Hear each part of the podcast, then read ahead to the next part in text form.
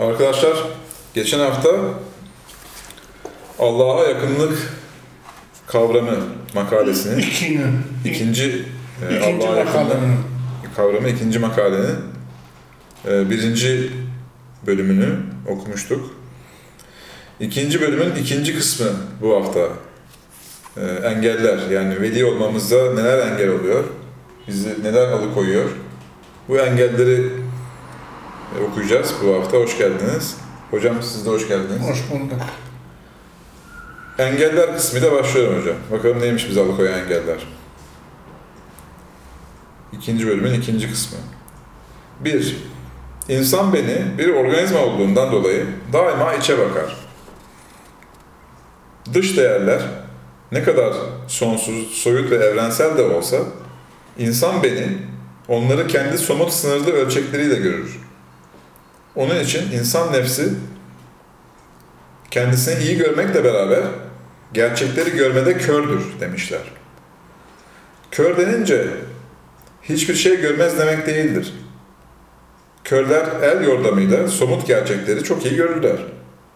Demek insan algısının dışa, soyuta ve manaya dönmesi için içe dönük kabuğunu kırıp dış gerçekliğe bakması, başka bir tabirle bencilliği bırakması gerekir. Bu aşamaya fedakarlık ve diğerganlık denilir. Bunu beceremeyen benliklere ise narsist denilir. Narsist, sadece kendini gören, kendine aşık olan demektir. İnsanın bu hastalıktan kurtulması için dışarıdan gelecek güzellik ve gerçeklik gibi bir ışık parıltısı gerekir. İnsan bu sayede aşk ateşiyle ve gerçeklik parıltısıyla o bencillik çukurundan kurtulur, dışa açılır. Fakat dışarıda 70 bin engel var. Bunları geçtikten sonra sonsuz soyutu anlar. İkili olan, bir yönü cehennem, diğer yönü cennet olan, bir yönü yokluk ve trajedi, diğer yönü varlık, nur ve bilinç bahçeli olan, varoluş ve hayatın öz ve sonsuz yapısını anlar ve gücü nispetinde bunları yaşar. Son derece manalı ve 70 bin durağı olan bu yolculuğu insanların ancak yüzde biri bitirir. Diğerleri mutlaka duraklarda yani sınırlı algıda kalırlar. Sonsuz ve aşkın olan mana cennetine giremezler. Kim zerre kadar şirk koşarsa yani sonsuz olan Allah'ı sınırlı ve somut olarak bilirse ona cennet haram olur. Maide suresi 72. ayet. Hocam peki yüzde biri bitirir diyorsunuz burada insanların. Kalan 99 ne olacak? Ahirete kalır. Hani o cennetin otu olmak ve cennetin gülü olmak diye Yani bir... önemli olan o yolda olmak Nedir önemli. ya? Yoldan çıkmamak önemli. Yani hedefe varmak, yolu bitirmek şart değil. Önemli olan o kervanın içinde olmak. Orada yer almak. O kervanda yer almak, o yolda yer almak önemli. Yoksa yol bitecek demek değildir. Mesafeler çok fazla, engeller çok fazla. Çok fazla. Çok fazla. Yani Ya başarının kıstası nedir burada? Ben onu öğrenmek soruyorum size yani. İlla bir başarı hedefleniyor mu bu yolda? Yoksa Evet, kapasiteye göre mi? Kur'an onu veriyor. Korku ve üzüntü şeytanından kurtulmaktır eğer böyle olmuşsa. Yoldasın, yolculuktasın, gidiyorsun. Yolculasın diyor. İster yolda kal, hedefe varmamış ol, ister hedefe varmış ol.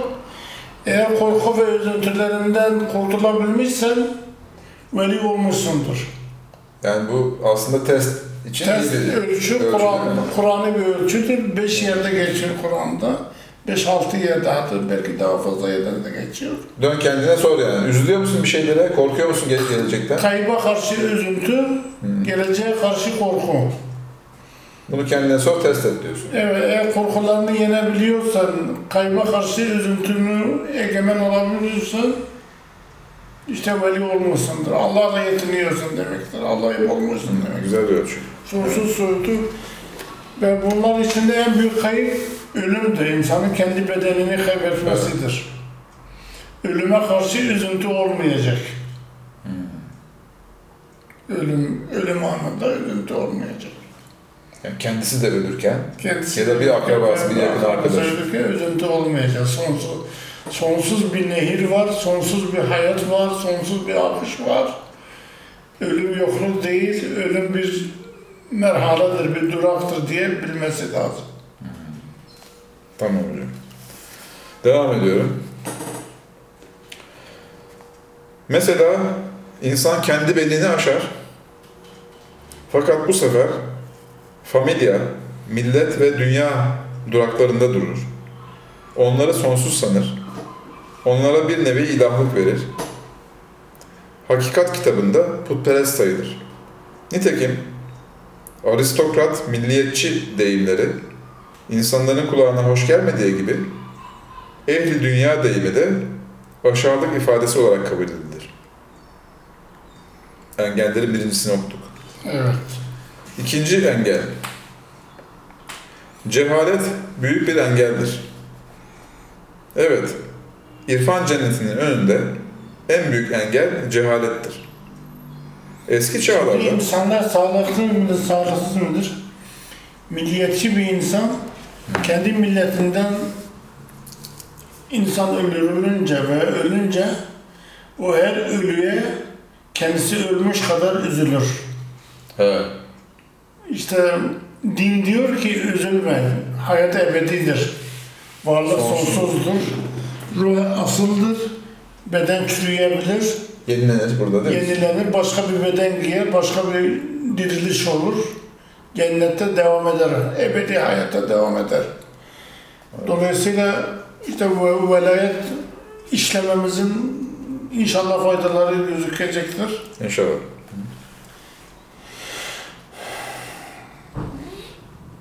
İnsanlar yaralanıyor yani Yolculukta. Bu iman elde edilmeyince korku ve üzüntülerini yenemiyorlar. Yenilmeyince de ruh- Yara alıyor. yara alıyorlar. Travmatik travmalar yaşıyorlar. O daha çok korku üzerine yol. Böyle böyle devam kaplan. Devam eder. İşte ilaca muhtaç olur insan. Evet hocam. Cehalete devam ediyorum hocam. Buyur. İrfan cennetinin önünde en büyük engel cehalettir dedik. Eski çağlarda maneviyatı, hukuk ve ahlakı bilmeyen cahil sayılırdı. Asrımızda e, bu üç bilgi sahasına fen ilimleri de ilave edilmiştir.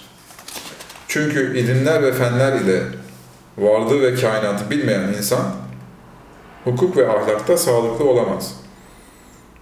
Demek çağdaş dindarlardaki ahlaki zaaflar bu noktadan kaynaklanıyor.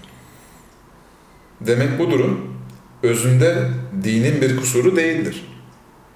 Evet bir kısım dindarlar materyalizme olan tepkileri sonucu bilimi ve fenleri reddetmekle hayatın realitelerinden kopuyorlar. Dolayısıyla dinlerini tam yaşayamıyorlar. Üçüncü engele geçiyorum. İnsan sağlıklı dini bir irfan yanında gerçekliğin ölçüleri olan çağdaş fenlere sahip olmazsa varlığı ve olayları bir tek sebebe verir. Hayatı ve bilimsel alanları bir tek neden ile izah etmeye çalışır. Burada bir dipnot var. Bugün sistemin sibernetik olduğu ilmen anlaşılmıştır. Bu ise her olayın birçok nedeninin nedeninin var olduğunun ifadesidir. Sibernetik olunca Tek sebep olmamış oluyor. her şey her şeyi etkilediğine göre sibernetik demek her şeyin her şeyi etkilemesi demektir. Evet. Bu ise bir her şeyin birçok sebebinin var olması demektir. Dolayısıyla bir şeyi bir sebep ile izah etmek cehalettir, İlkellik. ilkelliktir, karanlıktır. Halbuki her şeyin olmasında içtimai esbab denilen birçok sebep gerekir. Sebeplerin bir araya gelmesi Evet. gerekir? İşte maalesef esbab. Allah dahi bir şey yaratırken 70'ten fazla ismini kullanır. Çokluk anlamında kullanır değil mi? Evet yani çok esmasını tecelli ettir. Bir isimle yaratmaz. Rızık vermesi için ilim lazım, yaratma lazım, görme lazım, işitme lazım. Değil mi? Yani 70 ismiyle bir işi yapar Allah. Fabrikanın üretim departmanındaki bir sürü bölüm gibi değil mi? Evet. Evet. Dolayısıyla bir tek sebep ile varılan bilgi yanlış olduğunda böyle düşünen insan doğru ve sağlıklı bir hayattan ve ilmi bir anlayıştan mahrum kalır. Evet, saf birlik ve tevhid ehli olan semavi dinlerin tabileri dahi gerçek neden olarak mutlak ilahi gücü kabul etmekle beraber her işi ve her nesneyi en az 70 ilahi isme vermeyi irfanın ve tasavvufun bir gereği olarak bilirler. Her ilahi isim bir bilim dalı olduğundan dolayı denilebilir ki her şeyin birçok nedeni vardır. Demek bunun nedenleri bir bütün olarak bilmekle e, insan ancak cehalet karanlığından kurtulur. Bu gerçeklikle beraber nihai bilgi sonsuz olan Allah'ındır. Yargılama ona mahsustur denilir. Unutmayalım ki her bir bilgi insanı aydınlattığı gibi her bir yargı da insanı yorar. Engellerden dördüncüsüne geçiyorum. Bu gibi engelleri aşmak, sağlıklı ve verimli doğru bilgiye ulaşmak ancak gelişme, gayret ve zıtları birbiriyle test etme demek olan cihat ile gerçekleşti, gerçekleşir. Yoksa insan ya uyuşukluk ve pasiflik çukuruna düşer veya tek nedenlilik ve kara cahillik gibi uç durumlara sapar. Bu manevi yolculuğun en önemli bir yöntemi ve adabı bir nevi cihat olan ibadet gerçeğidir. İbadeti de önemli kılan şu iki noktadır. A. İbadet kulun benini sıfırlaması demek değildir. İbadet, insanın kendi özerk varlığını sonsuz ilahi sisteme entegre etmesi ve ona ayak uydurmasıdır. Evet, insanların beniyle beraber yaşaması Allah katında insanın benini sıfırlamasından daha sevimlidir diye rivayet var. B. İbadet sadece Allah ile ifade edilen sonsuz soyut ilahi varlığa yapılır. Onun somut ve sınırlı yansımaları olan isimlerine yapılmaz. Onun için sadece La ilahe illallah denilir. Mesela La ilahe illa kerim veya illa rahim denilmez. İbadet bu sonsuz soyut gerçekliğe dayandığından ve insanın benlik varlığını garantilediğinden, bencillikten, sınırlı somut yapılılıktan kurtulmak için çok etkin bir ilaç olduğu gibi, yaratılış ve varoluş sürecinin bütün gerçeklerini çalıştırdığından en verimli yöntemdir aynı zamanda. Bir ara not, işte eğer bu yazıda başından buraya kadar denilenleri dinlediyseniz, Kur'an'ın şu gelen iki paragrafının ne kadar evrensel bir bilgiyi bize verdiğini anlarsınız. Çok çok çaba göstersen de insanların çoğu inanacak değildir. Varlık ve hayatın realite olduğunu kabul etmeyecektir. Kendi benliklerini gerçeklik olarak göreceklerdir. Bu çabanı yüzde yüz karşılıksız olarak da yapsan yine aynı netice olacaktır. Çünkü onlar kördürler dış gerçekliği göremiyorlar.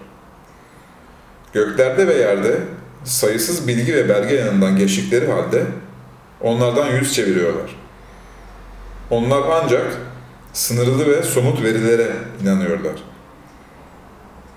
Yusuf Suresi 103. ayetten 106. ayete kadar. Bu ayetin dipnotu lafzen onlar şirk koşmadan inanmazlar. Yani onlar ancak sınırlı ve somut verilere inanıyorlar. Evet, inanıyorlar. Yani Allah kavramı yaygındır. Yüz insanların çoğunda var ama Allah'a bir şeyler eş koşuyorlar. Bir şeye yardımcı gibi görüyorlar. Yani mutlak sonsuzluğu algılamıyorlar. Allah'ın nasıl tek bir kişilik, bellik olduğu halde her şeyi nasıl yaptığını algılayamıyorlar. Allah'ı tam tanımıyorlar yani. Ee, benim böyle şahit olduğum izlediğim yani öyle söyleyeyim. Kadarıyla sanki işte bir işi işte patron yapıyor, efendim devlet yapıyor, şirket sahibi yapıyor veya işte veli yapıyor her neyse. Allah da onu tamamlıyor eksik kalan kısımları gibi bir şey var, algı var. O eş koşma Tamamlayıcı gibi yani. tamamlayıcı değil. Allah etkindir. Her şeyde kendi isimleri etkindir. Eksik kalan yerde dua ediyor ya Allah'ım işte şunu yap. Ee, Yok, sıkışınca dua etmek değil. Tamamlayıcı. Her zaman dua etmek. Sadece sıkılınca dua etmek etmiyor. Evet hocam. Güzel değil. İkinci gerçeklik Zariyat suresi 47. ayetten 51. ayete kadar. Bu ayetler bizi şöyle uyarıyor. Göğü değişik güç ve enerjilerle inşa ettik. Biz güçlüyüz ve genişleticiyiz. Buna mukabil yeri de bir döşek gibi sermişiz. Orayı hayat için ne güzel bir beşik yapmışız. Belki mesaj alırsınız diye her şeyi çift yaratmışız. İşte eğer bu diyalektik yapıdan sıkılırsanız, soyut alan Allah'a doğru firar edin. Fakat saf soyuta gitmek, eğer tek taraflıysa azaptır. Ben İslam ve bütünlük peygamberi olarak böyle bir şeyden sizi uyarıyorum. Sakın bu sonsuz soyut ilahla beraber maddi somut yapıları başka bir tanrı olarak görmeyin. Böyle bir görüş ve şirk tam bir cehennem olur. Ben İslam peygamberi olarak böyle bir cehennemden dolayı sizi uyarıyorum. Bu iki ayet içinde aynı cümle eğer tekrar edilmişse demek bu tekrarın bir manası vardır. O sizi uyarıyorum ikiye tekrar edilmiş. İlk kere tekrar ettik. Yani saf maddi de azaptır, saf ma- mana da azaptır. İlk keresinde de ben sizi İlk uyarıyorum. kere de diyor. uyarıyorum diyor. Bu tekrarın bir manası vardır. Çünkü Kur'an matematiksel bir üsluba sahiptir. İçinde hiç fazla kelime yoktur. Evet Kur'an açıkça saf soyutçuluk da, saf somutçuluk da azaptır diyor. Bütün zıtları tevhid potasında eriten Kur'an bizi sırat-ı müstakim demek olan orta yola çağırıyor. İfrat ve tefrit uçlarındaki iki azaptan dolayı bizi uyarıyor. Üçüncü kısma geçiyorum hocam. Buyurun. Üçüncü kısım sonsuzluğa doğru gelişme yolculuğunda üç önemli örnek. Birinci örnek Hazreti İsa. Evet. İsa ruhu, maneviyatı, sonsuzluğu ve ebediyeti o kadar güzel yaşadı ve anlattı ki bu gerçek, gerçekleri dile getiren İncil 2000 senedir bu konudaki rekoru elinde tutuyor. Tarihçi Toynbee İsa da Buda gibi nirvanacı idi diyor. Nirvana mutlak, soyut ve eril mana alemi demektir. Onun için İsa cennette cinsiyet yoktur diye İncil'de buyuruyor. Çünkü bu alemde diyalektik yapı ve zıtlar yoktur. Burası mutlak birlik alemidir. Bununla beraber ben şeriatı, bilimleri ve medeniyeti kaldırmaya gelmedim. Bunlar kıyamete kadar baki kalacaktır. Ben sadece şeriatı şekle ve maddiyata hasreden Yahudi anlayışını değiştirmeye ve Roma'nın materyalist dünyevi medeniyetine ruh ve mana üflemeye geldim diyor. Nirvana kelimesinin temsil ettiği eril uluhiyet hakikatiyle beraber Rahmaniyetin temsil ettiği feminen ve nimetlerle dolu cennet hakikatini de kabul ediyor. Fakat Nirvana cennetinin gökte yani metafizik alemde olduğunu tekrar da söylüyor. Yunus, cennet dedikleri 3-5 huri, 3-5 köşk, ben bunu istemiyorum. Bana seni gerek seni demekle bu iki cennet arasındaki farkı anlatıyor. Bediüzzaman da her bir huri küçük bir cennettir. Ve imanın bir meyvesi cennet, biri ebedi mutluluk, diğeri ruhiyetullah'tır diye iki ayrı cümleyle bu farklı noktalara işaret ediyor. Sonsuzluğa doğru gelişme yolculuğunda üç önemli örnek. Birincisi Hz. İsa'yı okuduk. İkincisi Hz. Muhammed. Hz. Muhammed, miraca çıkmakla Nirvana ile ifade edilen sonsuz soyut mana alemini görüp yaşadığı gibi o bütün insanların özellikle halk kitlelerinin peygamberi olduğundan denge, iman ve tevhid demek olan İslamiyet hakikatiyle daima Rahmaniyet'in cenneti içinde sonsuz soyut manaları ve onların tükenmez kaynaklarını gösterdi. Putperest, cahil, maddi toplumları sonsuz soyut mana ve değerleri anlayan ve yaşayan bir nesil yaptı. Sürekli olarak kıyamet bir kanundur. Kişi ölünce onun kıyameti kopmuş olur. Her çağ bitince onun kıyameti kopmuş olur. Cennet öyle canlı ve sonsuz bir nimettir ki bir atlı onun tek bir ağacının gölgesi altında 100 sene at koşturduğu halde yine o ağacı geçmiş olmuyor gibi sözlerle hakikatin son- soyut ve sonsuz boyutuna dikkatleri çekti. Çok muazzam bir örnek değil mi? 100 sene at koşturuyor ağacın gölgesi altında hala Bir ağaç. bitmeşi olmuyor ağaç. İşte burada bir dipnotu var ama O dipnotu okuyalım. Evet, insan hayat atına binip 100 sene yaşadığı halde o sonsuz cennet hakikatinin bir tek ağacı olan biyolojik süreci yine bitirmiş olmuyor. ağaç biyolojik hayat demekmiş yani. İnsan bedenen ölür fakat o ağaç daimi kalır. Ağaç tamam. Biyolojik hayat. Biyoloji bir ağaçtır. Biyoloji bir ağaçtır. Hayat ağacı denilir ona. Hayat ağacı? Evrim ağacı da denilir ona. Biyoloji bir hayat ağaçtır.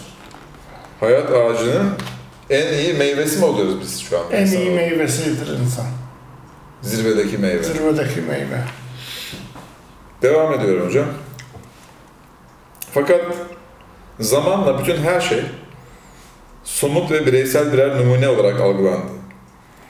Sonsuz ilahi varlık gerçeği tahta oturmuş cebbar bir krala döndü. Cennet öldükten sonra gidilecek bir park ve bahçeden ibaret sanıldı. Dinin bu sonsuz soyut gerçekleri birer komik maddi misale büründü. Toplum putperestleşti. Dolayısıyla ilkelleşti. Evet, eğer ahiret ve vahiy yani helal haram inancı olmazsa bugün birçok dindar her üç semavi dinden de birçok dindar putperest ve müşrik sayılır. Çünkü sonsuz soyut manaları kavrayacak ve ona göre bir hayat yaşatacak altyapı bu üç dindar toplumda kalmamıştır. İşte bunun için dindarların ahlakı iyi olmuyor bazen.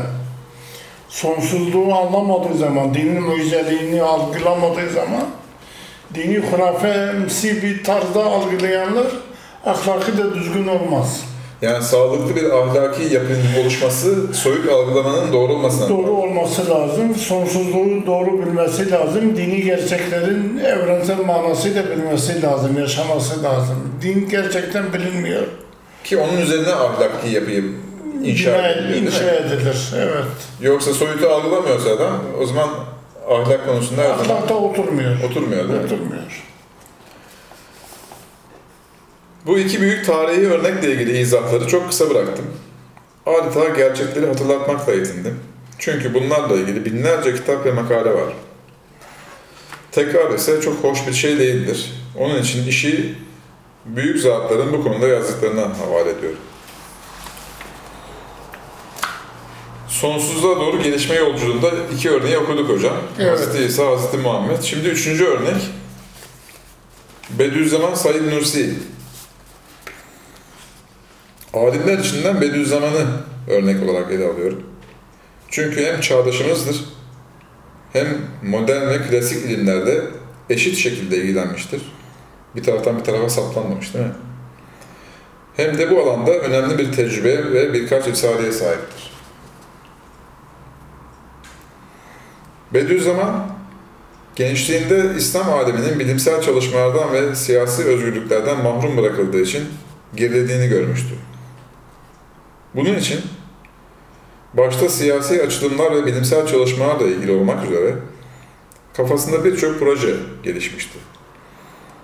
Bu iki temel noktanın gerçekleşmesinin önünde en büyük engel olan dinin yanlış anlaşılmasını gidermek için çok çabaladı. Tarikat kültürünün yanlış olmadığını kabul etmekle beraber Kur'an'ın anlaşılması, siyasi ve bilimsel açılımların gerçekleşmesi için bu kültürü yeterli görmediği gibi engel olarak da görüyordu. Çünkü tarikat tam İslamiyet ve sahabe yolu değildi. Bu heyecanlı projelere rağmen Birinci Dünya Savaşı'nın sonucu olarak Avrupa materyalizminin İslam alemini istila ettiğini görünce o iki temel projesini ikinci plana attı. Birinci amaç olarak geniş halk kitlelerinin imanını kurtarmaya çalıştı. 10 cilt olarak 6000 sayfa Risale-i Nur yazdı, birçok faaliyetlerde bulundu. Fakat bütün bunlarla beraber İslam aleminin bir daha skolastik eğitime ve kişilere dayalı olan anlayışa düşmemesi için o 10 cilt kitapta 7000 ilmi buluş ve prensibi serpiştirdi. Bunların anlaşılması için de onlarca teşebbüs ve 2000 adet mektup yazdı. İslam aleminin şahıs ve taklide bedel sonsuz soyut değerleri öğrenmesini, bu sayede bilimsel çalışmalara katılmasını umuyordu. Bununla beraber anlaşılmadığının da farkındaydı.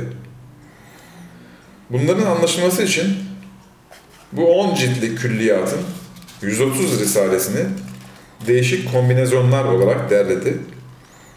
60-70 kitapçık ve Zülfikar, Asayı Musa, Siracun Nur gibi isimlerle 10 cilt kitap daha derlemeler olarak yayınladı. Tekstil makinesiyle ve elle binlerce kopyayı çoğalttı. Basından çıktı, mahkemeler yaşadı. Fakat yine de anlaşılmadı. Birinci amacı olan iman kurtarmayı bir derece becermekle beraber Eşref Edip'e verdiği mülakatta toplumda tam bir imani inkişaf göremiyorum diye söyledi. Hele hele onun ikinci amacı olan İslam aleminde ilmi açılımlar hiç olmamıştı. Talebeleri neden bir tarikat kurmadığını, kurarsa milyonlarca tabi ve mürit bulacağını söylüyordu. O ise eğer böyle bir şeye girişirse saf ve soyut bir hakikat olan ihlas ve samimiyet kaybolacak. Risale-i Nur'un binlerce ilmi gerçekleri hissi malumat ve bir şeyhin tahminleri olarak algılanacak. Bu ise iman ve hakikate çok büyük bir zarar olacak diye mektupla cevap verdi. Mektubu okumaya gerek yok. Evet hocam biraz onun dili de Osmanlıca galiba değil mi? Hı. Dileyen Emirdağ layıkası e, Sayfa 64. 64 Emirdağ layıkası 1 sayfa 64'ten okuyabilir. Böyle dedi ve böyle davrandı. Böyle dedi ve böyle davrandı. Fakat toplumda ilmi hiçbir açılım olmadığı gibi iman kurtarma hareketi de zayıf kalmıştı. Sene 1958. Vefatına iki yıl kalmıştı. Onun yakın talebeleri onun 800 sayfalık otobiyografisini yani tarihçi hayatını hazırlayıp bastılar. Bu kitap Bediüzzaman'ı çok güçlü ve çok maneviyatlı, büyük bir veli olarak gösterdiği için bununla o da bir şeyh olarak algılandı. Bütün soyut ve ilmi bilgiler ikinci planda kaldı. Halk arasında çok büyük imani bir inkişafa sebep oldu. Nitekim bizzat kendisi de bu tarihçi hayat e, 20 cilt Risale-i Nur'dan daha çok imanın kurtulmasına sebep oldu diye bir açıdan sevinirken bir açıdan da o eski ilmi projelerinin ve keşiflerinin anlaşılmadığına ağlıyordu.